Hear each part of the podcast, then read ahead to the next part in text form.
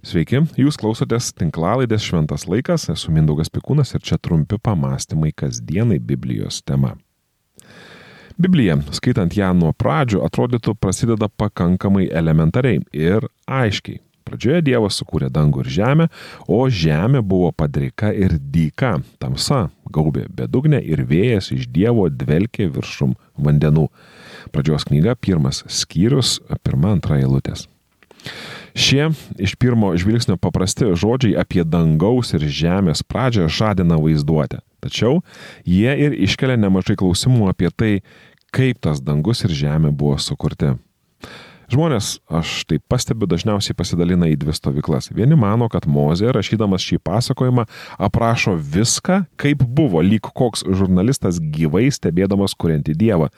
Kiti mano, kad čia Mozė nepasiūlo savo skaitytojams mokslinės ataskaitos apie sukūrimą, o greičiau teologinį traktatą, kurio pagrindinis tikslas - parodyti, kuo hebrajų Dievas skiriasi nuo ir yra pranašesnis už žydus, žydų tautą su supusių pagoniškų tautų dievus. Žinoma, kiekvienoje iš šitų stovyklų dar yra ir atskiros grupės ir grupuotės, kurios turi savo papildymus tam, kaip reikėtų skaityti pradžios knygos pirmuosius skyrius. Suprantu, kad ši diskusija yra pakankamai didelė ir plati, kad būtų galima ją tiesiog imti čia ir aptarti. Tačiau klausimas, kaip ir pati Biblijos pradžia, yra pakankamai paprastas.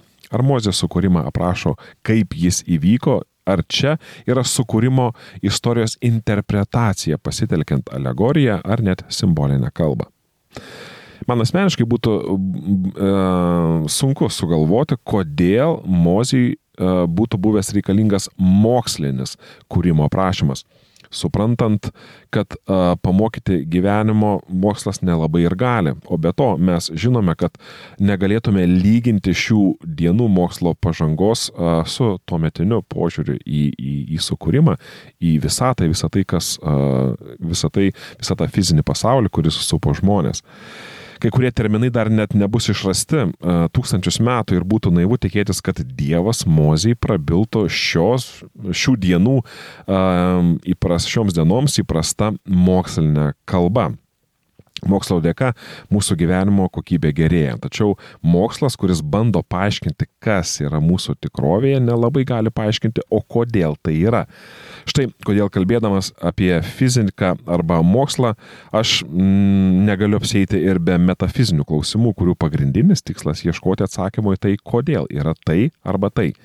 Taigi, pradžios knyga mus supažindina su labai svarbiais teiginiais. Dievas yra, visa kas sukurta nėra Dievas, Dievas yra tvarkos, šviesos ir gyvybės autorius, Dievas yra autorius visa ko, kas gera. Ir Dievas pasidalina savo autoritetu su savo kūriniais. Tačiau tai, kad pasakojimas apie sukūrimą yra labai daug um, tame pasakojime apie sukūrimą yra sudėta labai daug teologinės prasmės, vis tik svarstydamas apie pradžios knygoje aprašomą sukūrimą, nelabai randu pagrindo netikėti, kodėl Dievas negalėjo sukurti pasaulio būtent per šešias dienas ir tokiu eiliškumu, kaip yra aprašoma pradžios knygoje. Jis juk Dievas. Viename iš dešimties dievų sakymų yra rašoma atvink, atsiprašau, atmink ir švesk šabo dieną. Šešias dienas triusi ir dirbsi visus savo darbus, bet septintoji diena yra viešpatės tavo Dievo šabas. Nedirbsi jokio darbo nei tu, nei tavo sunus ar duktė, nei tavo vergas ar vergė, nei tavo galvijai, nei ateivis gyvenantis tavo gyvenvietėje. Juk per šešias dienas viešpats padarė dangų ir žemę, jūrą ir visą, kas juose per septintą dieną įsilsėjosi. Todėl viešpats septintąją dieną palaimino ir pašventino išeimo knyga, 20 skyrius 8-11 eilutės. Čia mes matome žydoms duotą nurodymą švęsti šabą, nes per šešias dienas viešpats padarė dangų ir žemę.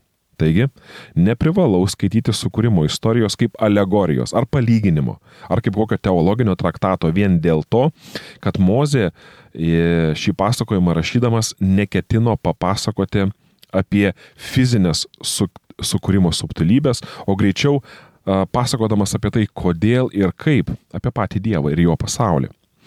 Reikia atsargiai e, šį pradžios knygoje aprašytą pasakojimą, sukūrimo pasakojimą vertinti saugantis kraštutinumu. Septynių dienų kūrimo savaitės įvykius vertinti tik kaip alegoriją arba tik kaip mokslinį darbą. Nes akcentuojant simbolinę sukūrimo prasme yra sumenkinama Dievo gale, o pabrėžiant tiesioginę sukūrimo pasakojimo prasme yra nuvertinama Dievo žinia mūsų skilėtoms ir ribotoms pasaulyje žiūroms.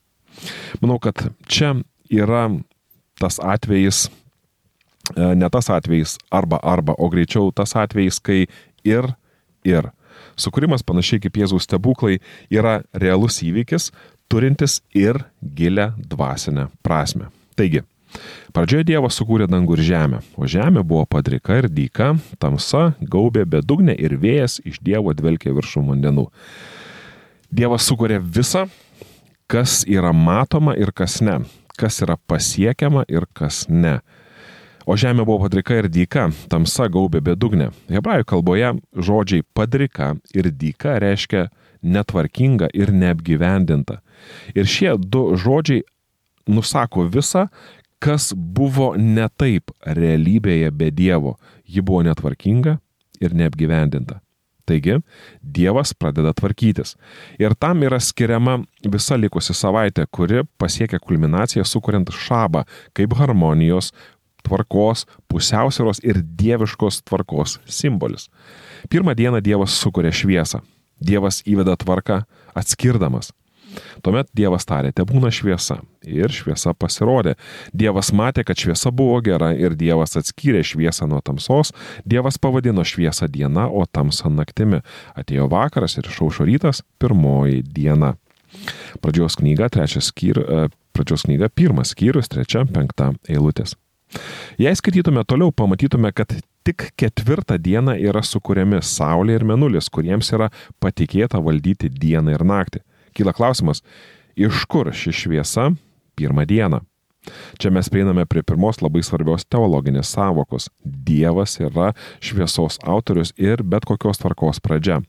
Apaštlas Jonas savo Evangelijoje rašė, kad Jėzuje buvo gyvybė ir ta gyvybė buvo žmonių šviesa. Šviesa spindi tamsoje ir tamsa jos neužgožė. Jono Evangelija, pirmas skyrius, ketvirta, penkta eilutės. Čia Jonas, apaštalas Jonas moko, kad Dievas yra gyvybės ir šviesos autorius. Jis suvaldo tamsą ir tamsa jo nenugali. Sename testamente Dievas visada yra šviesos šaltinis. Ir Dievas stoja tamsos akivaizdon asmeniškai. Ateinančias kitas dvi dienas Dievas toliau įvedinės tvarką, bet pradžioje jisai, um, jisai uh, kovoja su tamsa. Na, sakydamas kovoja, galbūt šiek tiek ir, ir perdėtų, perdėtų, bet jisai atsistoja kaip priešingybė tamsai ir tas um, Dievo kaip šaltinio, uh, pirmas, kaip šviesos šaltinio uh, pirmas žingsnis yra labai reikšminga, ne tik tais fizinė prasme, bet labai reikšminga ir teologinė savoka. Antrą dieną Dievas atskiria vandenis, kurie simbolizuoja gyvybei nepalankę aplinką ir sukuria atmosferą, o trečios dienos darbas buvo žemėje tyvuliuojančiame vandenyje sukurti sausumą. Taigi, pirmas tris dienas Dievas atskiria, nubrėžia ribas, padalina viską, kad būtų sudarytos tinkamiausios sąlygos atsirasti gyvybei. Pirma, antra ir trečia a, diena kalba apie na, tvarkos įvedimą o ketvirta, penkta ir šešta dienos jau yra skirtos apgyvendinimo reikalams. Dievas tarytum kovoja su nedraugiška ir paslaptinga gelme ir kuria erdvę gyvybei.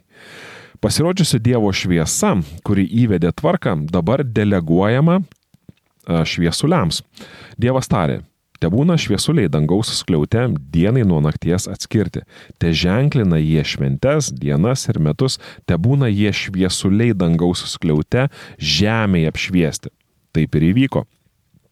Dievas padarė du didžiulius šviesulius - didesnį šviesulį dienai valdyti ir mažesnį šviesulį nakčiai valdyti ir žvaigždės. Dievas sudėjo juos į dangaus skliautą šviesti žemiai, valdyti dienai bei nakčiai ir atskirti šviesai nuo tamsos. Ir Dievas matė, kad tai gera. Atėjo vakaras ir išaušo rytas ketvirtoji diena. Pradžios knyga, pirmas skyrius, 14-19 eilutės.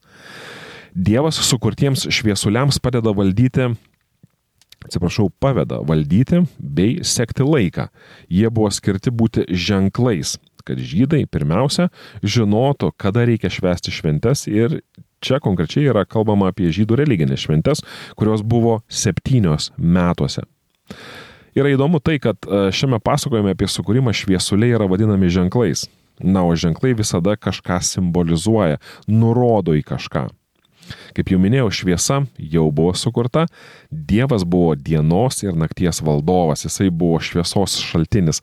Dabar ketvirtą dieną yra patikima šiems šviesuliams rūpintis tą šviesą. Dabar tie mini valdovai, turi daryti tai, ką darė Dievas. Jie yra ženklai arba simboliai, jie atstovauja kažką didesnio nei jie patys, jie yra simbolis Dievo šviesos. Ir mes matome, kaip Dievas dalinasi savo gale su savo kūriniais.